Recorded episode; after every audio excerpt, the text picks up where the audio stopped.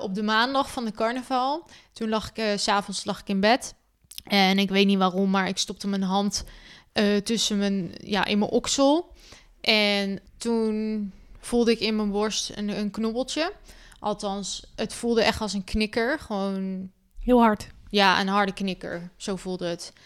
En nou, toen, schrok, toen schrok ik al. Toen dacht ik, toen dacht ik, kut, ik heb kanker.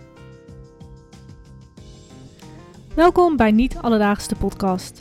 Mijn naam is Saskia en als sociaal werker ben ik geïnteresseerd in maatschappelijke, doorbrekende en unieke verhalen. In deze podcast ga ik in gesprek met mensen die iets niet alledaags te vertellen hebben. Voor meer informatie over mijn gasten en om op de hoogte te blijven van nieuwe afleveringen en nieuwtjes, volg ook de Instagram pagina Niet Alledaags. Laten we snel beginnen.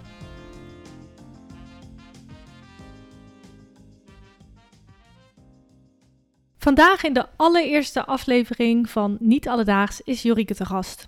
Jorike is 28 jaar en werd een half jaar geleden gediagnosticeerd met een agressieve vorm van borstkanker. Ze deelt met ons haar verhaal vanaf het moment dat ze haar ziekte ontdekte tot het punt waar ze nu is.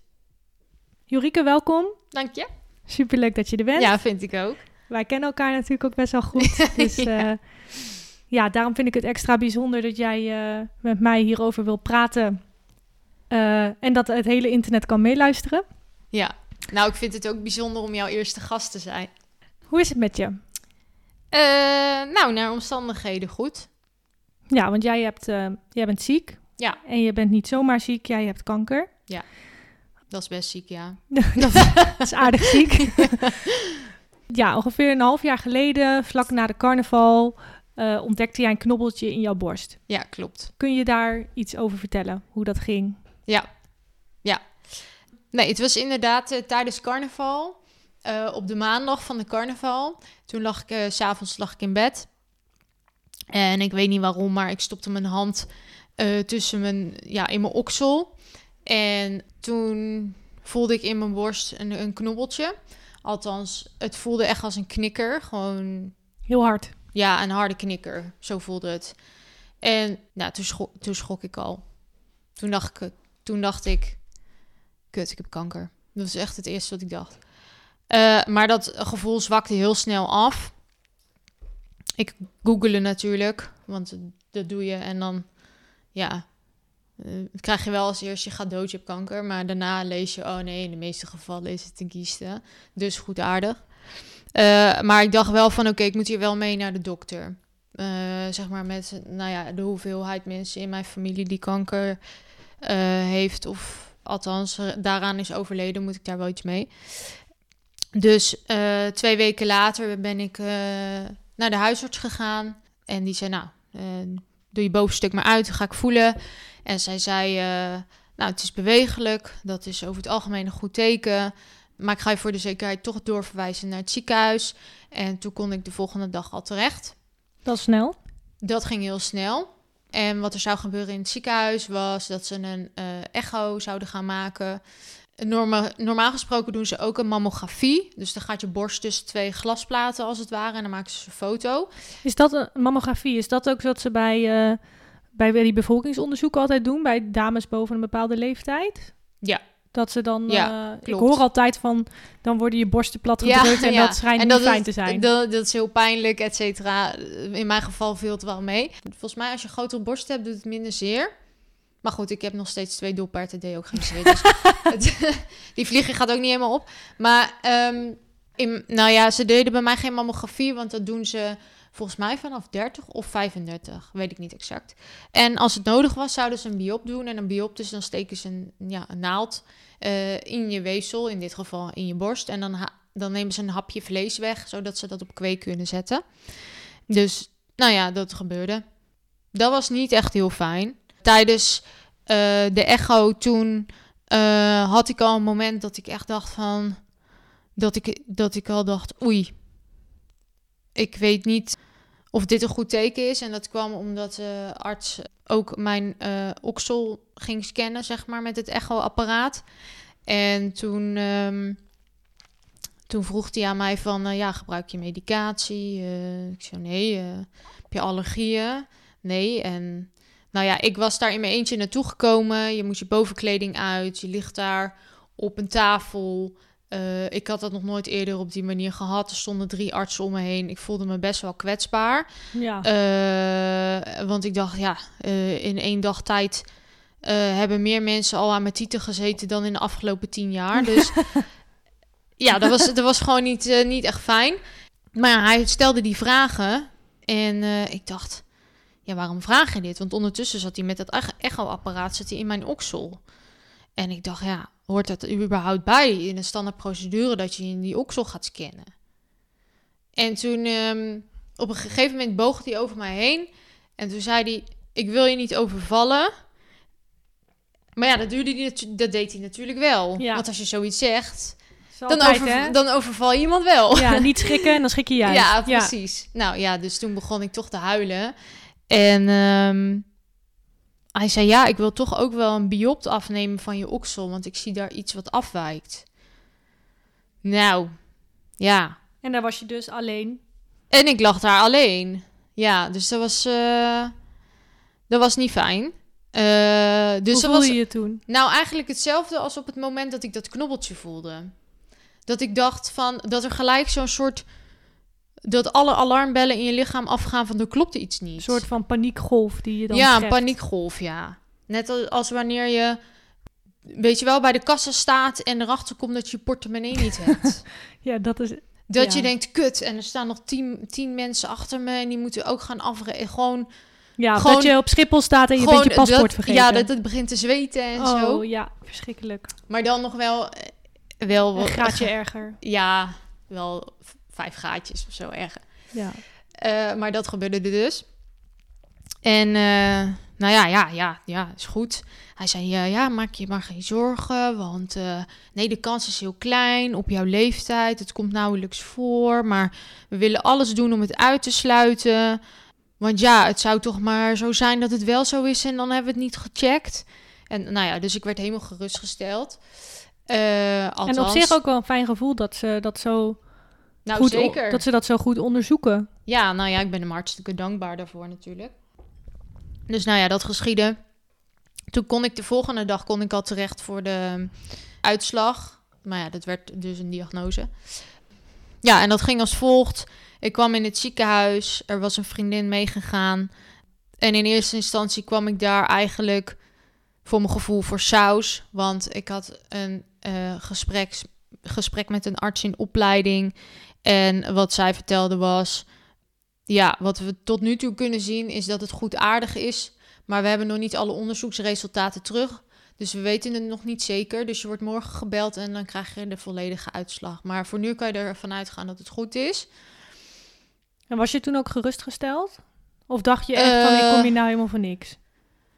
Nou, ik dacht wel van, oké, ik had hier liever willen komen met, met dat je het 100% zeker weet. Maar ik was wel gerustgesteld dat er niks aan de hand zou zijn. Mhm. En nou, toen zijn wij dus naar de intratuin gegaan om het te vieren. En ehm, dat was relatief dichtbij. Ik denk een kwartiertje, 20 minuten of zo van, eh, van het ziekenhuis af. En op het moment dat ik op de parkeerplaats stond bij de intratuin... toen zag ik dat ik eh, drie gemiste oproepen had van het, eh, van het ziekenhuis. Oei, dat is meestal fout. En toen dacht ik, dit is niet goed. Dus ik stapte de auto uit en ik stond daar echt met trillende handjes met die telefoon. En ik zei tegen die vriendin van mij van, het ziekenhuis heeft me gebeld. Meerdere keren. Ik ga eerst terugbellen voordat we naar binnen gaan. Maar ik durfde eigenlijk niet zo goed terug te bellen. Dus, maar ze hadden ook een voicemail ingesproken. Dus ik dacht, ik ga eerst die voicemail afluisteren. Want dan weet ik al een beetje als ik dan ga bellen... wat ik misschien te horen ga krijgen of waar het over gaat. Mhm. Dat is natuurlijk een beetje struisvogel van politiek. Want je weet natuurlijk, ja, er is stront aan de knikker. Maar goed, dat, op zo'n moment... Ja, doe je dat zo. Ja, tuurlijk. Ehm, en toen... ehm, En Nou, wat toen- hoorde je op die voicemail? Nou, ik had dus eerder dus het gesprek gevoerd met een arts in opleiding. En nu had de chirurg die echt aan mij gekoppeld was, zeg maar, de, de, de, de ja, de echte, De echte dokter. de echte, echte dokter. Die had een bericht ingesproken of ik hem alsjeblieft wilde terugbellen. Dus toen dacht ik al, ja, dat is niet goed. Dus Nou, toen heb je terug. toen heb ik teruggebeld. Hij zei, ja, sorry. Tien minuten nadat je weg was, hebben we de rest van de onderzoeksresultaten teruggekregen. En eh vind het vervelend dat je nu al weg eh, bent van het ziekenhuis. Maar zou je alsjeblieft terug, kunnen, terug willen komen, want we willen je iets vertellen. En, eh, want wat er uit die onderzoeksresultaten is gekomen, ziet er niet goed uit. En ehm, Wow. En hoe voelde je je toen, toen je dat, toen je dat hoorde? Kan je dat nog voor je halen? Nou, toen moest ik huilen. Ik moest daarvoor al huilen. En toen, nou, ik, nee, volgens mij moest ik toen niet huilen. Het was meer dat ik volgens mij gewoon helemaal verstijfd was. Mhm. Een soort Echt. van shock. Ja, gewoon in shock, ja. Ja. Maar daarna, dat was denk een paar seconden. En daarna was het meteen van, oké, standje van ik wil ook gewoon weten wat er aan de hand is. Ja, wat legde jij direct de link van dan heb ik kanker? Of, Nee, nee, niet eens eigenlijk. Maar wel, er is Nou, iets goed mis. Nou, ik wist wel dat er iets mis was. Maar ik had niet per se meteen de link gelegd met dan heb ik borstkanker. Dat niet. Maar ik dacht wel van. Ik had zeg maar verschillende scenario's in mijn hoofd. Waarvan ik. Het allerergste wat kon zijn was dat ik borstkanker zou hebben. Of kanker. En daar zouden dan nog dingen onder kunnen zitten. Zoals bijvoorbeeld dat om wat voor reden ook mijn borst eraf zou moeten. Of dat ik geopereerd zou moeten worden, want er zou iets zitten. Of dat. Ja, en toen zijn jullie terug naar het ziekenhuis gereden. Ja. En toen, wat vertelde die arts toen? Nou, ze vallen meteen met de deur in huis. Ik zat nog niet eens en die man zat ook volgens mij nog niet eens. En hij zei, ja, we hebben het teruggekregen. Het ziet er niet goed uit, je hebt borstkanker. En ehm, nou, ik zat wel, want ik denk als ik niet had gezeten, dat ik denk ik gewoon... eh, Om was gevallen. Dan was ik vanzelf op die stoel gevallen, denk ik. Maar ehm, ja, op zo'n moment... Ja, dan zakt de grond echt... Toen zakte de grond echt onder mijn voeten vandaan. Zoiets heb ik echt nog nooit in mijn leven eerder... Zo'n shockgevoel gehad. Gewoon alsof gewoon al alles... Alsof je lichaam gewoon... Alles wat binnenin je zit gewoon even stilstaat Mhm. gewoon volledige ruis, zeg maar. Gewoon niet eens, ook niet meer kunnen nadenken. Alsof je hersenen zich gewoon... Gewoon kortsluiting. Gewoon, ja, alsof je hersenen zich gewoon even uitschakelen of zo. En ik weet niet hoe lang dat moment duurde, want daarna is het oké. en nu? Praktisch, wat gaat er nu gebeuren? Dus je ging eigenlijk van dat shockmoment over in... Oké, en nu? Ja. En, en toen? Nou, toen eh, kreeg ik inhoudelijk een klein beetje te weten over wat de situatie was. Eh, waaronder, je hebt een agressieve vorm die niet reageert op eiwitten en niet reageert op hormonen. Dus dat betekent dat er maar één behandelingsoptie is en dat is chemotherapie. Dus we gaan starten met chemotherapie. Plus eh, dat er aan mij gevraagd werd, eh, heb je een kinderwens? En zo ja, eh, wil je eicellen laten invriezen middels een fertiliteitstraject? Waarom vroegen ze dat? Omdat je door chemotherapie onvruchtbaar kan worden. Poeh. Heftig Dus- lijkt me dat. Om, op jouw leeftijd, op onze leeftijd. Om Ja, ja dat, te beseffen dat je misschien los van de, de boodschap die je al even krijgt... en een klap in je gezicht van je hebt kanker... Mm. dat je ook direct moet gaan nadenken van... heb ik wel een kinderwens, ja of nee? Eh, ja, volgens mij heb ik daar toen een paar dagen de tijd voor, voor gekregen. Om, eh, ik werd eerst zeg maar voorgelicht eh, over wat, het, wat dat fertiliteitstraject zou inhouden. En daarna kreeg ik dan ongeveer twee dagen de tijd om erover na te denken of ik dat traject wilde doorlopen. En dat heb ik uiteindelijk wel gedaan. Heb je een kinderwens? Eh, dat weet ik niet. Dat, dat had ik op dat moment niet. En dat komt ook omdat ik geen partner heb. Dus dan heb je niet direct misschien... Tenminste, in mijn geval had ik niet direct dan ook reden om daarover na te denken. Maar ik had wel zoiets van, ik wil dit wel doen... zodat ik mezelf niet later kan, iets kan verwijten. Mhm. Dat je in elk geval de optie open houdt... Ja, mocht je een kinderwens krijgen... ja. dat je dan eh, ja, Het, was, het, is een eitjes soort, hebt. het is een soort backup plan. Mhm. Want er is ook gewoon best wel een reële kans dat je wel weer vruchtbaar wordt. Ja. Maar het voelt wel fijn om een soort backup plan te hebben. Oké, dus toen ging je beginnen aan dat fertiliteitstraject. Ja, nou, ik kreeg eerst diverse scans. Zeg maar na de diagnose moest ik, eh, kreeg ik dan een, eh, een MRI, een PET-scan, nog een keer een echo, eh, verschillende biopten. In totaal hebben ze dus 15 keer zo'n biopt gedaan. Echt geen pretje. Is dat pijnlijk? En nou, ja, als ze het zo vaak doen wel. in het begin niet, maar toen, ze- als ze iedere keer op dezelfde plek gaan prikken wel. En in je oksels ook niet zo fijn. Dus ze hebben eerst die scans gemaakt Ja, om te kijken eigenlijk waar de kanker precies zit of eh, in wat voor stadium de kanker is of waarom de- werden ja. die scans gemaakt? Eh, ja, die scans waren puur inderdaad om meer informatie te krijgen over de tumor zelf. En nou ja, de agressiviteit daarvan en hoe dat er precies uitziet, hoe groot die is. Maar ook of er uitzaaiingen zijn in je lichaam. En was dat het geval? Nee, gelukkig niet. Want dat was echt een pak van jou en ons hart, hè? Als ik, eh, Ja, ik kan me even, als ik even het perspectief vanuit een beetje de vriendengroep kan vertellen. ja. Ik weet nog dat jij mij een appje stuurde van, hey, kun je vanavond bij me langskomen? Want ja, ik heb niet zo goed nieuws. Maar ja, Mhm. Ik had natuurlijk geen idee dat, dat dit zou kunnen spelen. Ik wist überhaupt niet dat je in het ziekenhuis was geweest. Dat je een knobbeltje had. Eh, en ik had eigenlijk die avond andere plannen. Dus ik had jou teruggeappt. Of ik had jou gebeld van... joh, ehm, ja, ik heb eigenlijk iets anders. Ja, kun je daar misschien dan iets over vertellen? En toen zei jij het eigenlijk aan de telefoon. Ik weet nog dat ik op mijn werk was. En dat jij zei... ehm, ja, ik heb een knobbeltje in mijn borst. Ja, je voelt het nu misschien al wel aankomen. En dat ik toen echt... Dat mijn hart ineens begon te kloppen. Dat je ineens zo, zo'n zo'n gevoel krijgt in je borst, weet je wel, van oh, dit zal toch niet. En toen zei je dus, ja, ik heb dus borstkanker. Nou, toen heb ik natuurlijk mijn afspraak afgezegd die avond. Toen zijn we met een aantal meiden naar jouw huis gekomen. ja. En ja, toen legde jij mij eigenlijk uit van het is een, eh, een, een agressieve tumor. En toen vertelde je er wat meer over. ja. Want jij had zelf ook een beetje gegoogeld wat voor vorm kanker het, het, het zou moeten zijn en, Ja. en wat de vooruitzichten waren. ja. Eh, kun je daar iets over vertellen?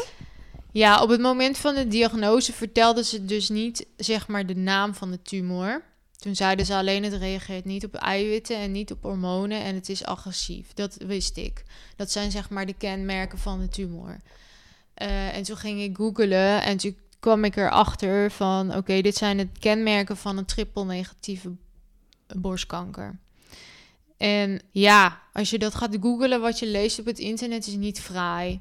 Want ja, het is, het is agressief. Dus dat betekent dat het snel uitzaait. Het komt op jonge leeftijd voor. Ehm, Het is ook progressief, hè? Komt ook snel terug. het komt snel terug. Het komt vaak binnen drie jaar terug. En op het moment als het terugkomt, is het, is het moeilijk te behandelen. Dus de meeste, meeste eh, mensen waarbij het zeg maar nog een keer terugkomt, die, eh, ja, die overlijden in een relatief korte tijd. Dus binnen anderhalf jaar tijd komen ze meestal te overlijden. Wat deed dat nieuws met jou toen je dat las? Nou ja, op dat moment wist ik natuurlijk nog niet of er sprake was van uitzaaiingen, ja of nee. Dus toen dacht ik wel van, eh, stel er is sprake van uitzaaiingen, dan heb ik dus misschien nog maar anderhalf jaar te leven. En in dat, in dat tijdsbestek dat ze gaan uitzoeken of je, of je uitzaaiingen hebt, dat is een week. En een week is normaal gesproken heel snel. Maar als je een week moet wachten om te horen of je nog anderhalf jaar te leven hebt, of misschien zelfs korter, dan Duurt het een eeuwigheid? duurt heel lang. Ja, Want ik kan me herinneren dat dat ja, echt slopend is geweest die week. Voor jou, Ja, al- ook voor ons. Ja Het is zo ja. onzeker en Ja. je weet gewoon nog niet waar je aan toe bent. Nee, klopt. Want eh, weet je, de, de diagnose, je hebt kanker, is natuurlijk al mega heftig. Maar dan vervolgens ook nog eens horen, je hebt een variant die slecht te behandelen is. Je hebt een Mhm. variant die progressief is. En we weten nog niet of het uitgezaaid is, ja of nee. Ja. Ja, dat, dat lijkt me echt ja, ontzettend heftig. ja, als ik er achteraf nu op terugkijk, want nu ben ik natuurlijk een half jaar verder, maar de, eh, zeg maar de week met uh, het horen van de diagnose en dan de mensen waarvan je houdt inlichten wat de situatie is. Dat vond ik ook heel erg moeilijk. En die onzekerheid van, ja, wat betekent dit eigenlijk voor mij? Uh, dat je gewoon in één klap alle dingen die normaal gesproken vanzelfsprekend zijn, dat dat wordt in één klap wordt dat gewoon onderuit, of ja, het wordt gewoon onderuit geveegd. Gewoon de onbevangenheid van ik kan doen en laten wat ik zelf leuk vind. Uh, ik ga naar mijn werk elke dag. Uh, ik stap in de auto en ik ga overal heen. En uh, ik word 80 jaar. Een soort van die onbevangenheid had ik toen nog. Mm -hmm. Gewoon de Die zorg. op onze leeftijd ook hoort te hebben. Ja, denk het wel. De zorgeloosheid van het leven of zo. Mm -hmm. En dat wordt er natuurlijk dan in één klap is dat weg. Hey, en um, toen een week later, toen hoorde je dus het is niet uitgezaaid. Ja, dat hoorde ik ongeveer een week later, ja. Toen hoorde ik dat er geen sprake waren van uitzaaiingen. Toen ben ik gestart met het fertiliteitstraject. Dus om die eicellen te laten invriezen, uh, dan moet je jezelf twee keer per dag injecteren met uh, hormonen. Om uh, ja, die eicellen te laten rijpen. En um, tussendoor worden er dan echo's gemaakt om te kijken hoe ver die eicellen zijn. Om ze op het juiste moment te oosten. Mm -hmm. Klinkt een beetje smerig, vind nou, ik. Enorm. Maar zo, zo wordt dat verteld. Dat zit, uh, zit erop. Mm -hmm. En volgens mij duurt het dan nog een week of zes voordat je echt begint met chemotherapie. Klopt dat? Ja, dat verschilt per persoon. Of In bij mijn geval dan? was dat zo. Um, Hoe ging dat? Nou, ik kreeg nadat dat fertiliteitstraject afgerond was, moest ik ook nog bloed prikken, omdat ze een DNA-onderzoek wilden uitvoeren. Dus uh, ja, omdat ik zo jong ben, ja, op mijn leeftijd komt het eigenlijk nauwelijks voor überhaupt dat je kanker krijgt. Nou ja, en borstkanker dus daarmee ook niet. Dus ze wilden een DNA-onderzoek laten uitvoeren. Althans, die keuze had ik zelf, maar dat wilde ik om te zien of het erfelijk bepaald zou zijn. Dus daarvoor moest ik bloed prikken en dat moest dan naar het lab om dat verder te onderzoeken. En ik kreeg uh, meer informatie uh, door middel van gesprekken met de oncoloog en de verpleegkundig specialist. Onder andere over hoe mijn traject eruit zou komen te zien. Dus daar waren ook gesprekken over. En tijdens die gesprekken bleek dan wel dat ze toch een, ja, een uitzaaiing wordt dat niet genoemd, maar een aangetaste lymfeklier was aangetroffen in de oksel. Maar ze zeiden ja, de biopten zeggen van niet. Uh, maar uit de PET-scan uh, blijkt dat wel zo te zijn. Dus je kan er dan vanuit gaan dat dat wel gewoon kloppend is. Dus ja, dat was wel even een tegenslag. Ja, want eerst denk je, oh, ik heb geen uitzaaiingen.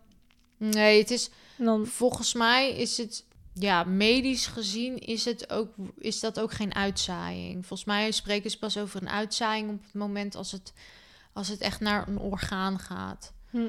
Uh, en je lymfeklieren zijn vertakkingen van borsten, als het ware. Dus dat, dat wordt volgens mij gezien als één gebied.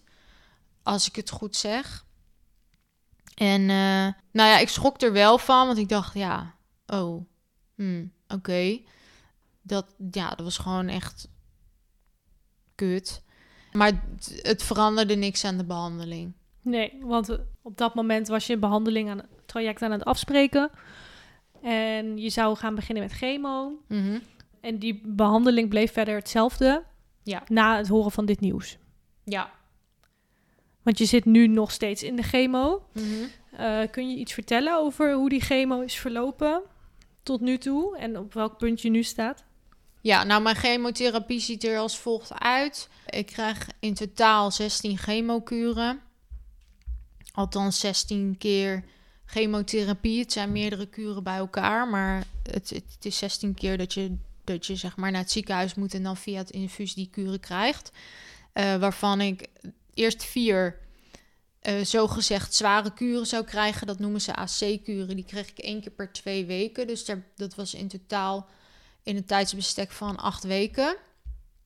En dan had, je, had ik op de maandag had ik dan die kuur. En dan zat, zat er twee weken tussen. En dan kreeg ik dus weer een nieuwe kuur. En dan had je zeg maar één, ja, je wel, ik was daar ongeveer een week ziek van. En dan had ik één week waarin ik me wel aardig Mhm. oké voelde. En na die acht weken ben ik be- weer begonnen met nieuwe kuren. Eh, in totaal twaalf keer, waarvan ik eh één keer per drie weken krijg ik er een extra kuur bij.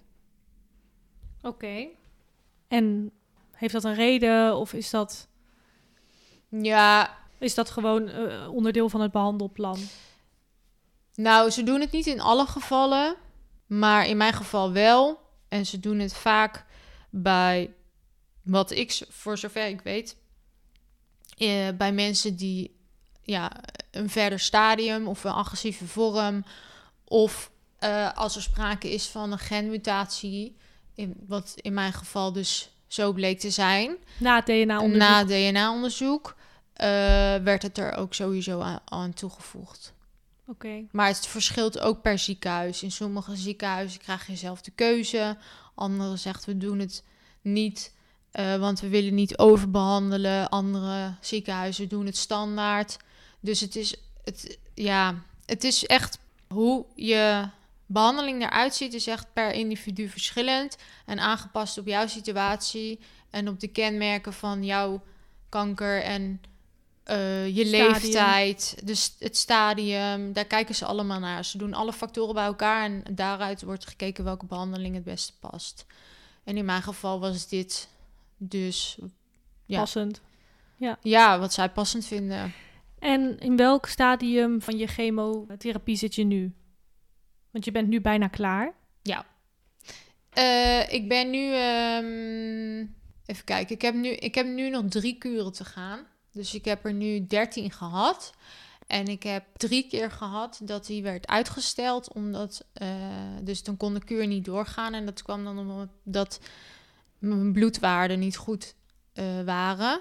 Dus wat ze doen op het moment als je chemotherapie krijgt in het ziekenhuis, voordat ze het infuus gaan aansluiten, die zakjes, gaan ze je bloed afnemen. En dan gaan ze de bloedwaarde bekijken om te zien of je, nou ja, lichamelijk gezien wel in staat bent om die chemotherapie te verdragen. En niet dat je er dus super ziek van wordt. En ik had drie keer dat dat dus onder de waarde zit die ze daarvoor aanhouden. En dan eh, zeggen ze van, nou dan krijg je hem niet. En dan moet je een week rust houden om te kijken of, ja, of je waarden weer omhoog schieten, zeg maar. Of ja, omlaag, maar net wat, wat in jouw situatie dan de bedoeling is. Bij jou is het dus al drie keer uitgesteld. Ja, op zich is dat niet heel vreemd, want dat gebeurt wel vaker. Ja, want ik kan me voorstellen dat zo'n chemotherapie eh, wel echt een aanslag is op je lijf. Ja. Dus dan is het misschien ook niet zo gek dat je, dat je waardes daardoor... Nee, dat gebeurt sowieso. En bij sommige mensen herstelt het weer snel genoeg. Maar ja, ik, heb, ik krijg de meest intensieve vorm van chemotherapie voor mensen met borstkanker, althans. En dan is het niet gek dat dit gebeurt. Nee. En hoe nu verder? Nou, ik heb nu dus nog drie chemokuren te gaan. En als dat klaar is, dan eh, word ik geopereerd en daarna bestraald. En als ik, eh, ja, en als ik bestraald ben, dan eh, afhankelijk van wat ze tijdens het, de operatie aantreffen in mijn weefsel. Want ze gaan dan je weefsel onderzoeken ook. Dat is een onderdeel van de operatie. Dus dan gaan ze kijken in die borst en in die oksel van hoeveel kankercellen zitten daar nog. Zit er überhaupt nog kanker? Dat hoop ik natuurlijk niet. Maar als dat wel zo is, ja, hoeveel dan? Eh, want daar passen ze ook de bestraling op aan. Maar ook geeft dat antwoord op de vraag. Heeft de chemo zijn werk gedaan? Ja, ook. En ook of je dus nog na de bestraling chemotabletten gaat slikken. Oh ja. Om ervoor te zorgen dat echt alles weg is. Ja, kijk je daar tegenop? Wat gaat die operatie inhouden voor jou? Nou, dat weet ik nog niet exact. De operatie bestaat eigenlijk uit twee delen, waarvan één deel vaststaat. En dat is het onderzoeken van dat weefsel dus. Mhm. Ja, je moet eigenlijk zo zien dat het uit twee delen bestaat. Eh, zeg maar de oncologische chirurgie, dus die, die dus het weefsel weghaalt en, dat, waar dat, en wat later dus onderzocht kan worden. En de plastische chirurgie, dus dat ze echt aan de slag gaan met je borst. Hoe het Eh, eruit ziet. Ja, met, ja borsten, precies, ja. hoe het eruit ziet, het uiterlijke vertoon van die borst, zeg maar. in mijn geval is het zo dat vanwege de genmutatie, het gaat om een BRCA1 genmutatie, wat inhoudt dat je een verhoogde kans hebt op borstkanker, 60 tot 80 procent om dat in over je hele leven te krijgen. En een verhoogde kans op eierstokkanker, 35 tot 45 procent. Ontzettend hoog ook die percentages. Ja. Maar wat dan het advies is, is om allebei je borsten te laten amputeren. Zodat je ook die verhoogde kans op borstkanker weg, daarmee wegneemt. Dus in mijn geval is het zo dat allebei mijn borsten worden geamputeerd. De rechterkant, waar dus de tumor zit, om dat in ieder geval weg te halen. En links uh, met nog gezonde borst, om niet ervoor te zorgen dat daar niet zich een, weer een nieuwe kanker in ontwikkelt. Uh, want met 60 tot 80 procent kans heb je natuurlijk best wel een reële kans dat er gewoon weer nieuwe kanker in komt. Ja. En ja, wat doet dat met jou? Ik kan me voorstellen dat jij het afgelopen half jaar zo ontzettend veel tegenslagen hebt gehad. Eerst hoor je, je hebt een knobbeltje, of je voelt, ik heb een knobbeltje. Vervolgens krijg je de diagnose kanker. Ja.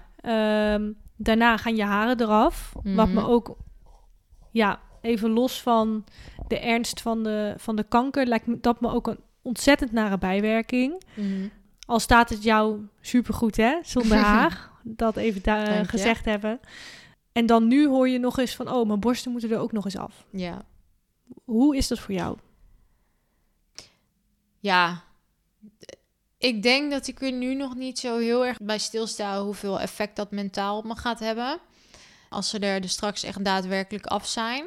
Maar als ik, als ik dan bijvoorbeeld denk aan hoe ik er bijvoorbeeld nu in sta om um, een relatie te krijgen met iemand, dan denk ik wel van, ja, wie wil er nou een relatie met iemand die kaal is, die geen wimpers meer heeft, die geen borsten meer heeft straks, die ook nog kanker heeft, die een genmutatie heeft, waarmee je dus ook weer ja, in de toekomst altijd moeite zal hebben met het krijgen van kinderen, want je dus 50% kans dat je dat overdraagt op je kinderen. Ja, dus er zijn zoveel dingen soort van kapot aan mij. Ik heb ervoor gekozen dan om, nou, ik wil zeg maar uiteindelijk borsten die ze gaan reconstrueren door middel van eigen weefsel. Dus dat betekent dat ze ook weer op een andere plek van je lichaam ergens in moeten gaan snijden om weefsel weg te halen. Dus je hebt verschillende plekken uh, die ze daarvoor kunnen kiezen. Je buik, de binnenkant van je benen, boven je billen. Nou ja, er zijn verschillende opties mogelijk. Ik ben er nog niet over uit hoe dat er precies uit komt te zien. Maar dat betekent ook dat ik echt een jaap van een litteken weer ergens anders krijg op mijn lijf. Uh, dus dat wordt ook, zeg maar, stuk gemaakt. Voel je je onzeker over je uiterlijk? Um, nou, ik weet niet of het onzekerheid is, maar ik voel me gewoon niet meer mezelf. Ja, ik lijk gewoon niet meer, zeg maar, ik, ik voel me niet meer uh, de persoon die ik altijd was. Het is, het, is, het is een beetje alsof ik gewoon in een ander, het lichaam van een andere persoon zit. Dat dit niet mijn eigen lichaam is. Alleen dat is het natuurlijk wel. Uh, alleen ik denk, nog, denk niet dat ik het al een plek heb kunnen geven dat dit gewoon is wat het is. En ja, met alles wat nog komt, dus onder andere inderdaad dat, dat ik straks zeg maar dat mijn borsten eraf gaan. Maar ook in mijn toekomst willen ze ook mijn eierstokken weghalen. Vanwege dus ook de verhoogde kans op eierstokkanker. Ja, zeg maar alles wat, wat mij vrouw maakt, soort van, dat is op dit moment wel van mij afgenomen. Ik word bijvoorbeeld op dit moment ook niet meer ongesteld. Dus ja, ik heb eigenlijk het gevoel alsof ik in het lichaam van iemand anders zit. Een lichaam wat niet van mij is. Alleen uh, het is wel mijn lichaam. En ik moet er zeg maar nog mee leren leven. Het moet nog een plek gaan krijgen. Dat dit wel echt mijn lichaam is. En dat ik het daar gewoon als ik hopelijk nog lang mag leven, dat het gewoon mijn lichaam is en dat die. Dat je dat omarmt. Ja. Mijn, dat mijn, mijn oude ik is er gewoon niet meer, zeg maar. En straks, als jij klaar bent met de chemotherapie, dan zullen jouw haren ook weer aangroeien. Mm Je borsten helaas niet. Nee. Dat is jammer. Dat is jammer. Denk je dat eh, lange haren er weer voor zorgen dat jij je weer een beetje jezelf voelt? Mm, nee, ik denk niet dat het aan één uiterlijk kenmerk ligt. Het is gewoon alles bij elkaar. Meer, ik word nooit meer mijn oude, oude zelf. Mhm. Ja, dat, dat, dat is denk ik iets wat je moet leren accepteren. En op dit moment ben ik nog niet zo ver in mijn acceptatie dat ik al kan zeggen van ik ben er oké mee dat ik in de toekomst er anders uitzie en dat ik andere borsten heb en dat mijn eierstokken weggehaald worden. En me- ik wil gewoon weer terug naar mijn oude ik. Maar dat kan natuurlijk niet. Lijkt me heel heftig. Ja, best wel. Denk ik.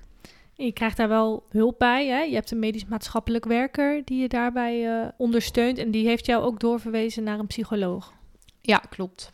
Wat hoop je te bereiken met de psycholoog? Dat je dit gaat accepteren, dit stuk? Eh, nou, ik heb niet zozeer echt een doel voor ogen wat, wat ik daarmee wil bereiken. Want ik denk dat dat ook een beetje lastig is. Want ik zit nog maar midden, ik zit zeg maar midden in het traject. Dus ehm, ik weet natuurlijk niet wat er allemaal nog, wat allemaal nog gaat passeren. Ik, ik, weet alleen wat ik op die, dit moment anders zou willen. Maar ik heb nog zoveel ik ben pas een half jaar verder van een traject wat misschien anderhalf jaar duurt. Dus weet ik veel wat er in, de kom wat er in het komende jaar aan me voorbij gaat en hoe ik daar mentaal eh, mee om zal gaan. Dus daar kan ik niet, nu geen antwoord op geven. Maar nou ja, ik denk, ik denk dat we heel veel eh, onderwerpen hebben waar, waar aandacht aan gegeven moet worden. Maar de reden dat ik op dit moment naar, naar de psycholoog ga is omdat ik, omdat ik het lastig vind om. ehm, om mijn gevoelens zeg maar toe te laten hierin. Dus ik, ik, ik heb zelf, zeg maar, ik leg mezelf continu op van hé, je moet doorgaan en je moet sterk zijn en probeer er zo positief mogelijk naar te kijken. Ehm, maar het gaat niet altijd goed. Dus kwetsbaarheid en verdriet en angst en hè, de negatieve emoties horen er ook bij. Maar dat moet je wel kunnen toelaten en dat vind ik soms lastig. Dus om daar wat meer aandacht aan te geven, dat is de reden dat ik naar een psycholoog ga nu. Die me, me daarbij kan helpen daarmee om te gaan. Dat ik mezelf dat ook kan toestaan en niet, eigenlijk niet altijd zo hard voor mezelf hoef te zijn. Wat nu wel een beetje aan, ja, aan de orde is. Ja, ik kan me voorstellen, het is natuurlijk ook niet niks wat je meemaakt en wat jou overkomt. En ik kan me ook voorstellen dat je in een soort overlevingsmodus komt, waarin je denkt, ik sluit me af voor deze emotie, want dan is het makkelijker. Ja, klopt. Ehm, maar het moet er natuurlijk wel een keer uit. Ja, je kan er denk ik niet voor altijd voor weglopen. En ehm, ja, zelf geloof ik er ook wel in dat als je, als je zulke soort emoties continu wegstopt, dan kom je dat op een of andere manier wel tegen. En dat kan op korte termijn zijn, het kan op lange termijn zijn, het kan zich gaan uiten in lichamelijke klachten, het kan zich gaan uiten in dat je op een gegeven moment op het punt bent en denkt: oké, ik zit in een depressie of whatever. Het kan zich op allerlei manieren uiten, maar ja, je moet, je kan er niet voor weglopen, dat geloof ik niet. Dus mentaal voor jezelf zorgen is net zo belangrijk als, eh, als, als lichamelijk voor jezelf zorgen. Mooi. nou, super bedankt Ja, graag eh, voor je eerlijkheid, voor je openheid en ehm, voor je zo kwetsbaar durven openstellen. Dat vraagt namelijk best wel veel moed. En je hebt het echt super goed gedaan. Heel erg bedankt. Oké, en dan nu het leuke gedeelte, de tas van Sas. ja, Eh, nou, hier voor je staat een tas. Daar mag je, mag je in grabbelen en daar zit een dilemma in. Ehm, ja, dan mag je er eentje uithalen en ik ben heel benieuwd wat jij antwoordt. Nou, ik heb er helemaal zin in. Ik ga eventjes eh, rommelen. Even kijken. Kaal door het leven. Of altijd een pruik. Oei. Ehm.